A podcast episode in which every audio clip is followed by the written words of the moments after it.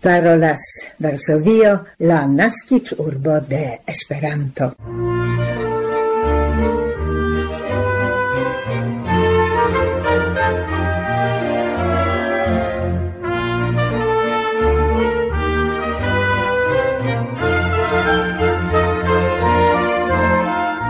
Tore bonvenigas vinge, signoroi, en la 1200 okdek oka Esperanto elsendo el Varsovio nea tuta redakcja skipo, kaj hodiau aparte Barbara Pietrzak, Milada Szwedo kaj Maciej Jaskot. Hodiau pasas la sebdek kvinada treveno de la Declaracio de la Homaj Rajtoj. En tiu kunteksto ni interalie referencas al la porokaza rezolucio de la Pola Senato kaj al la speciala mesaĝo de UEA prezentita en ĝia gazetara komuniko. Hodiaŭ ni denove proponas renkontiĝon kun Esperanto-literaturo en la formo de la cent kvardek-unua fragmento de la romano de Henrik Sienkiewicz Quo Vadis en la Esperanto-traduko de Lidia Zamenhof. Komence audiras aktualaĵoj.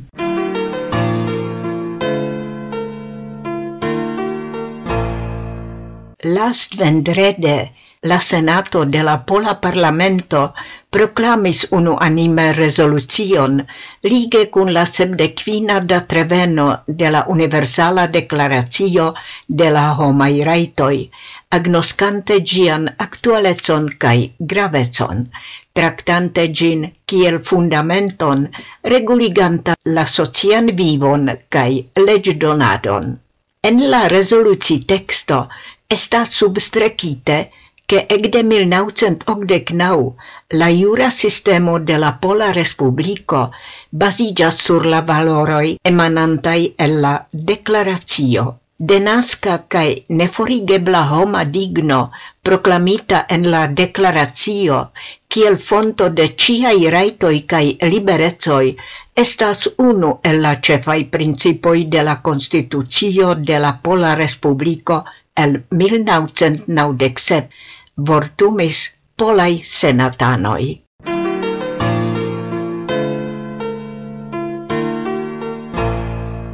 Iam ekde quelcae tagoi eblas conatigi cun aparta messaggio de UEA lige cun la jus mencita jubileo. La 1144 numero de la gazetaraj comunicoi enhavas la texton de la messaggio de UEA lige cun la sebdec quindec iarigio de la Universala Deklaracio de la Homai Raitoi pasanta la decan de decembro, per kiu gi salutas la unuigintain nazioin cae ciuin homoin de bona volo.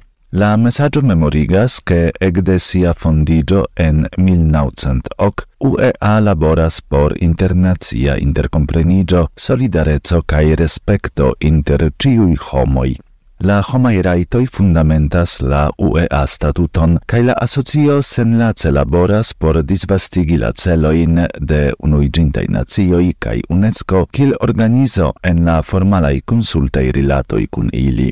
La messaggio enfasas crome che la homai raitoi estis inscribitai en la statuton de UEA antau la formala creigio de la declaratio mem, lau la vortumo, bonai internaziai rilatoi cae la respecto de la homai raitoi, tiai kiai ili estas definitai en la Universala Declaratio de la Homai Raitoi cae aliai internazie reconatai instrumentoi estas por la laboro de UEA essencei condicioi ocase de la sebdec quiniara jubileo de la Universala Declaratio, UEA reconfirmas la strebadon al respectado cae effectivigado de tiui raitoi.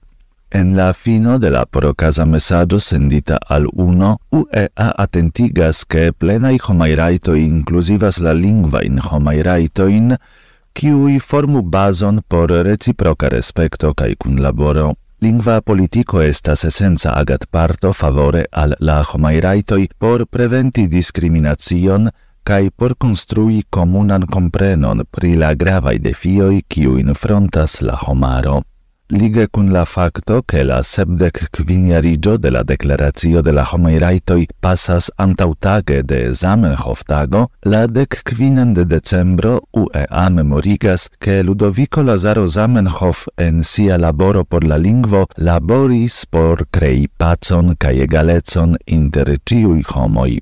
UEA samtempe declaras che la nuniara Zamenhof tago estos ancau tago de speciala recono por la declarazio subtene al clopodoi de unuigintai nazioi.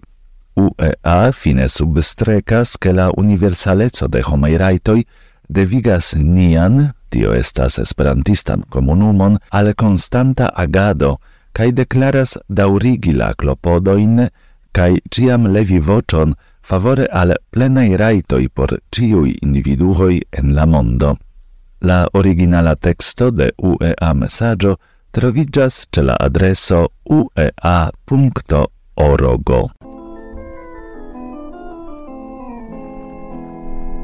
Ciui homoi estas tenaske liberoi kai Kay egalahilaw, digno kay raitoy. Ili posedas acción, kai consciention, kai devus conducti. Unu al alia espirito de frateccio. Ciu havas la rajtoj je vivo derecho hay persona se correcto neniu estu tenata esclavecho au servutecho esclavecho ca esclav comercio estu mal permesita en ciusia informoi Varsovio daŭrigas la Esperanto-elsendon.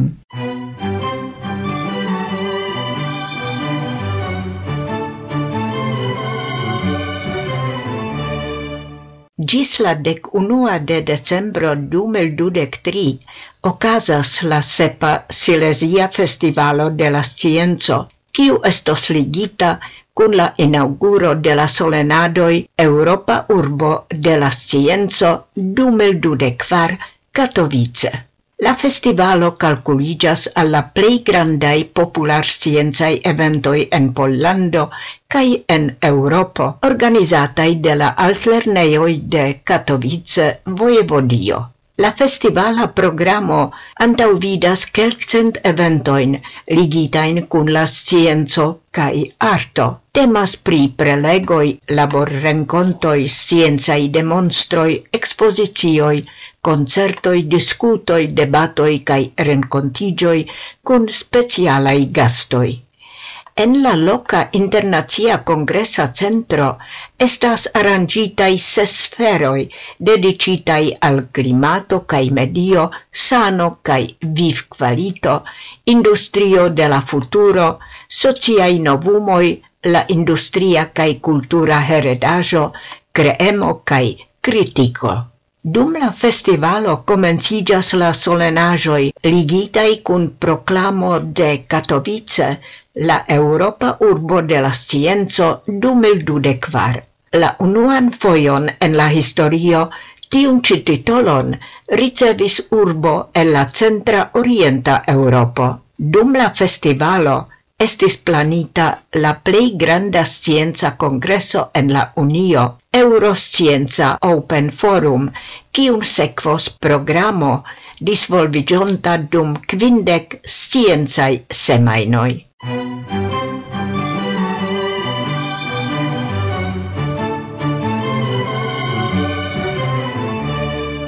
Parolas Pola Retradio en Esperanto.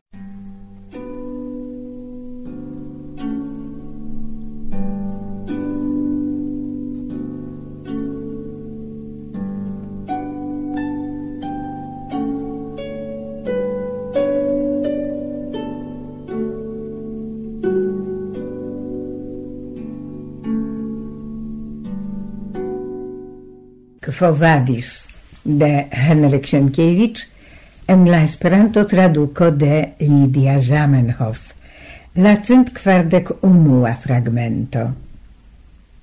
Oni ne curagis tamen sendi al li la verdicton en Romo. Same la Cesaro, kiel Tigalinus memoris, che tiu quasau malhardite esteticulo, sangianta nocton en tagon, occupita nur per voluptoi, arto cae festenoi, ciam li estis proconsulo en Bitinio, cae poste consulo en la metropolo, el montris mirindan laboremon cae energion. One opiniis lin capabla al cio, cae one sciis, che in Romo li posedas amon ne nur de la popolo, sed ancau de la pretorianoi.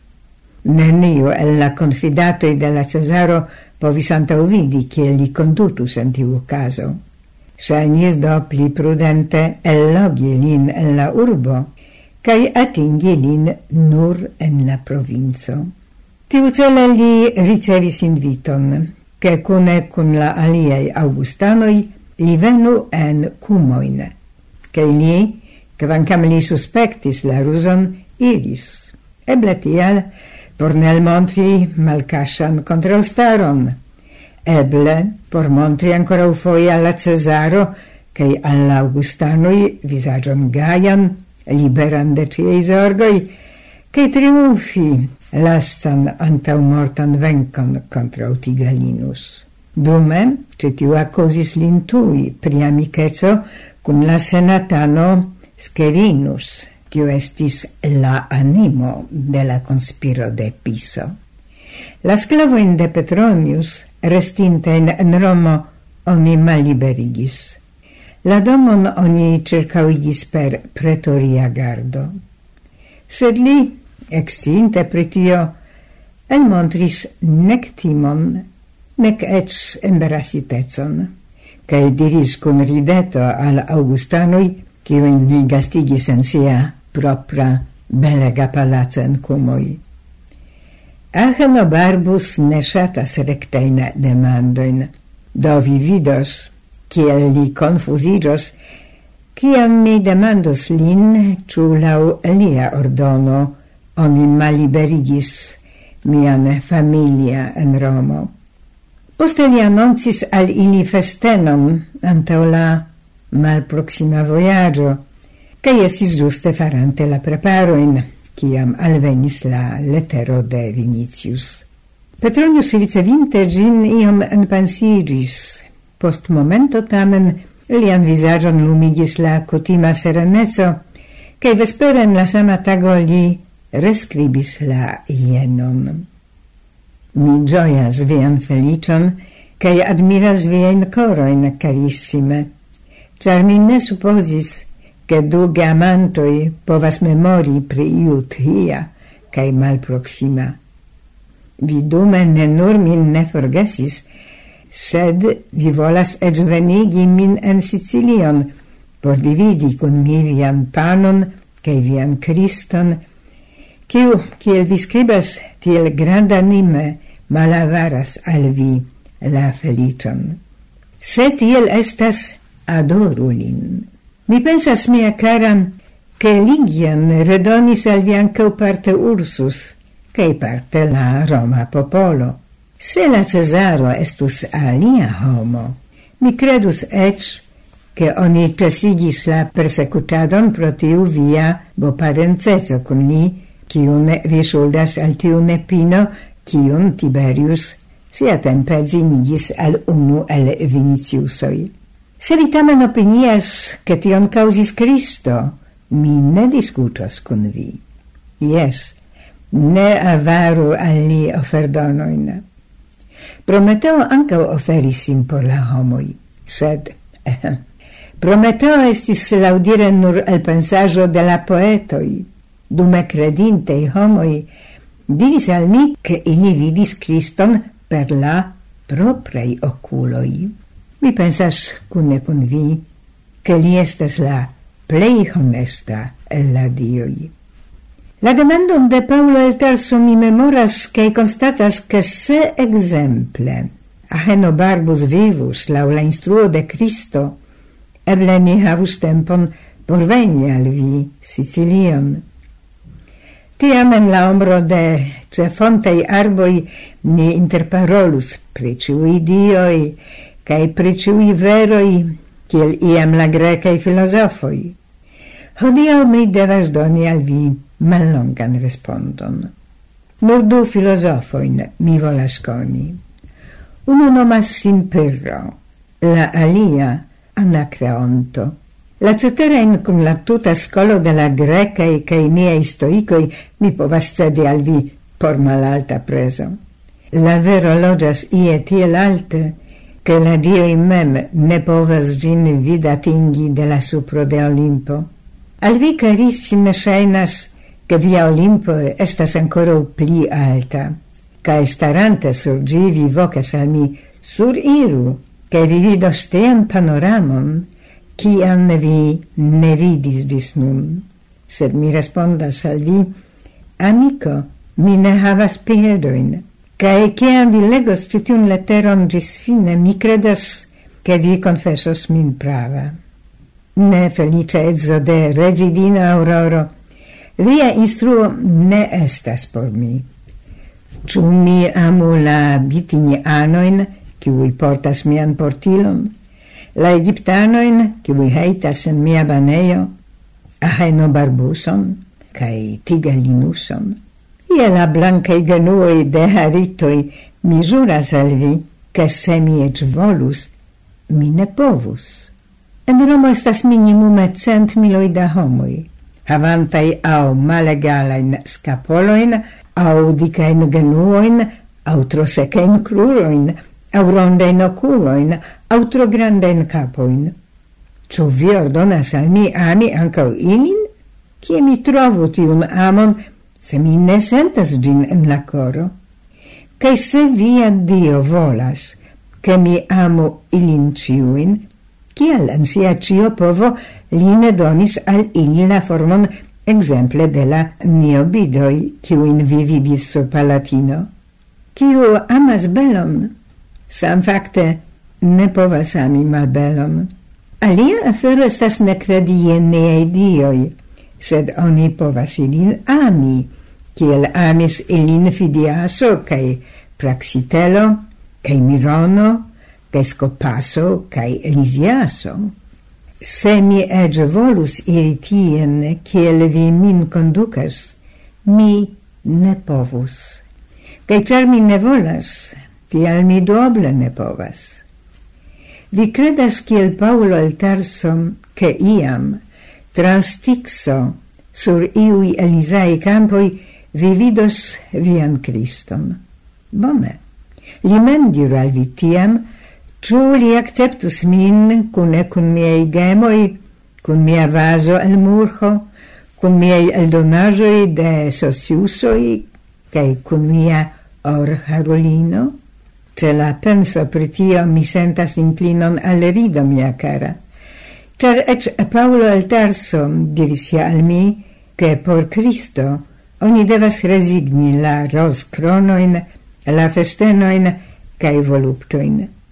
Li promesis al mi vere alian felicion, sed mi respondis, che por tio mi estas tro maliuna, che miai oculoi ciam trovados plesuron en la vido de rosoi, cae claudoro de violoi, ciam estos al mi pli agrabla, o la odoro de malpura proximulo el suburra.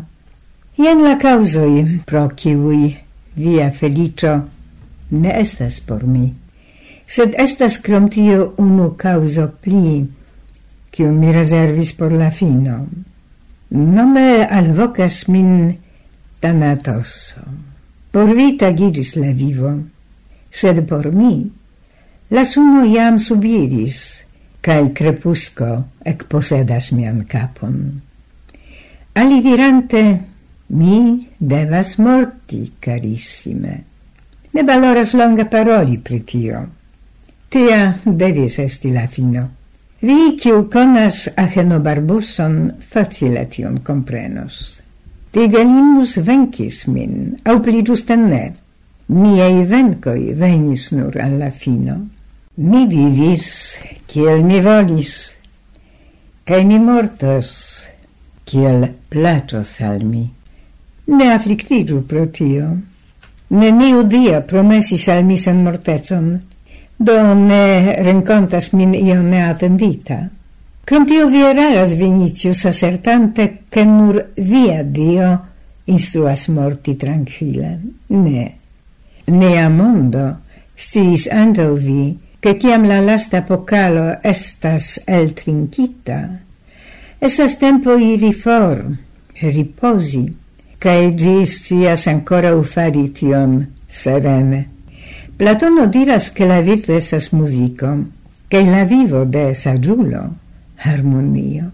Se tiel estas, tiam mi mortos kiel mi vivis, virte. Mi volas ancora uvian dian zino nadiavi per la vortoi, per ui mi salutis sin iam en la domo de aulusoi, diversain, Tre in mi vivis popoloin, sed vi senegala estas.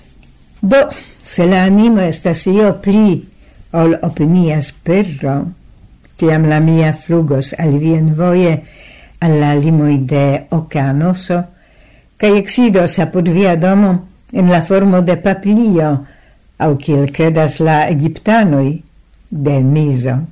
Alie veni mi ne povas cae dume Sicilio shangiu sin por viambau en la hesperidan giardenon la campai arbarai cae fontai ninfoi sotu floroin sur vian voion, cae en ciui acantajoi, en la colonoi de via domo, nestu blancei colomboi.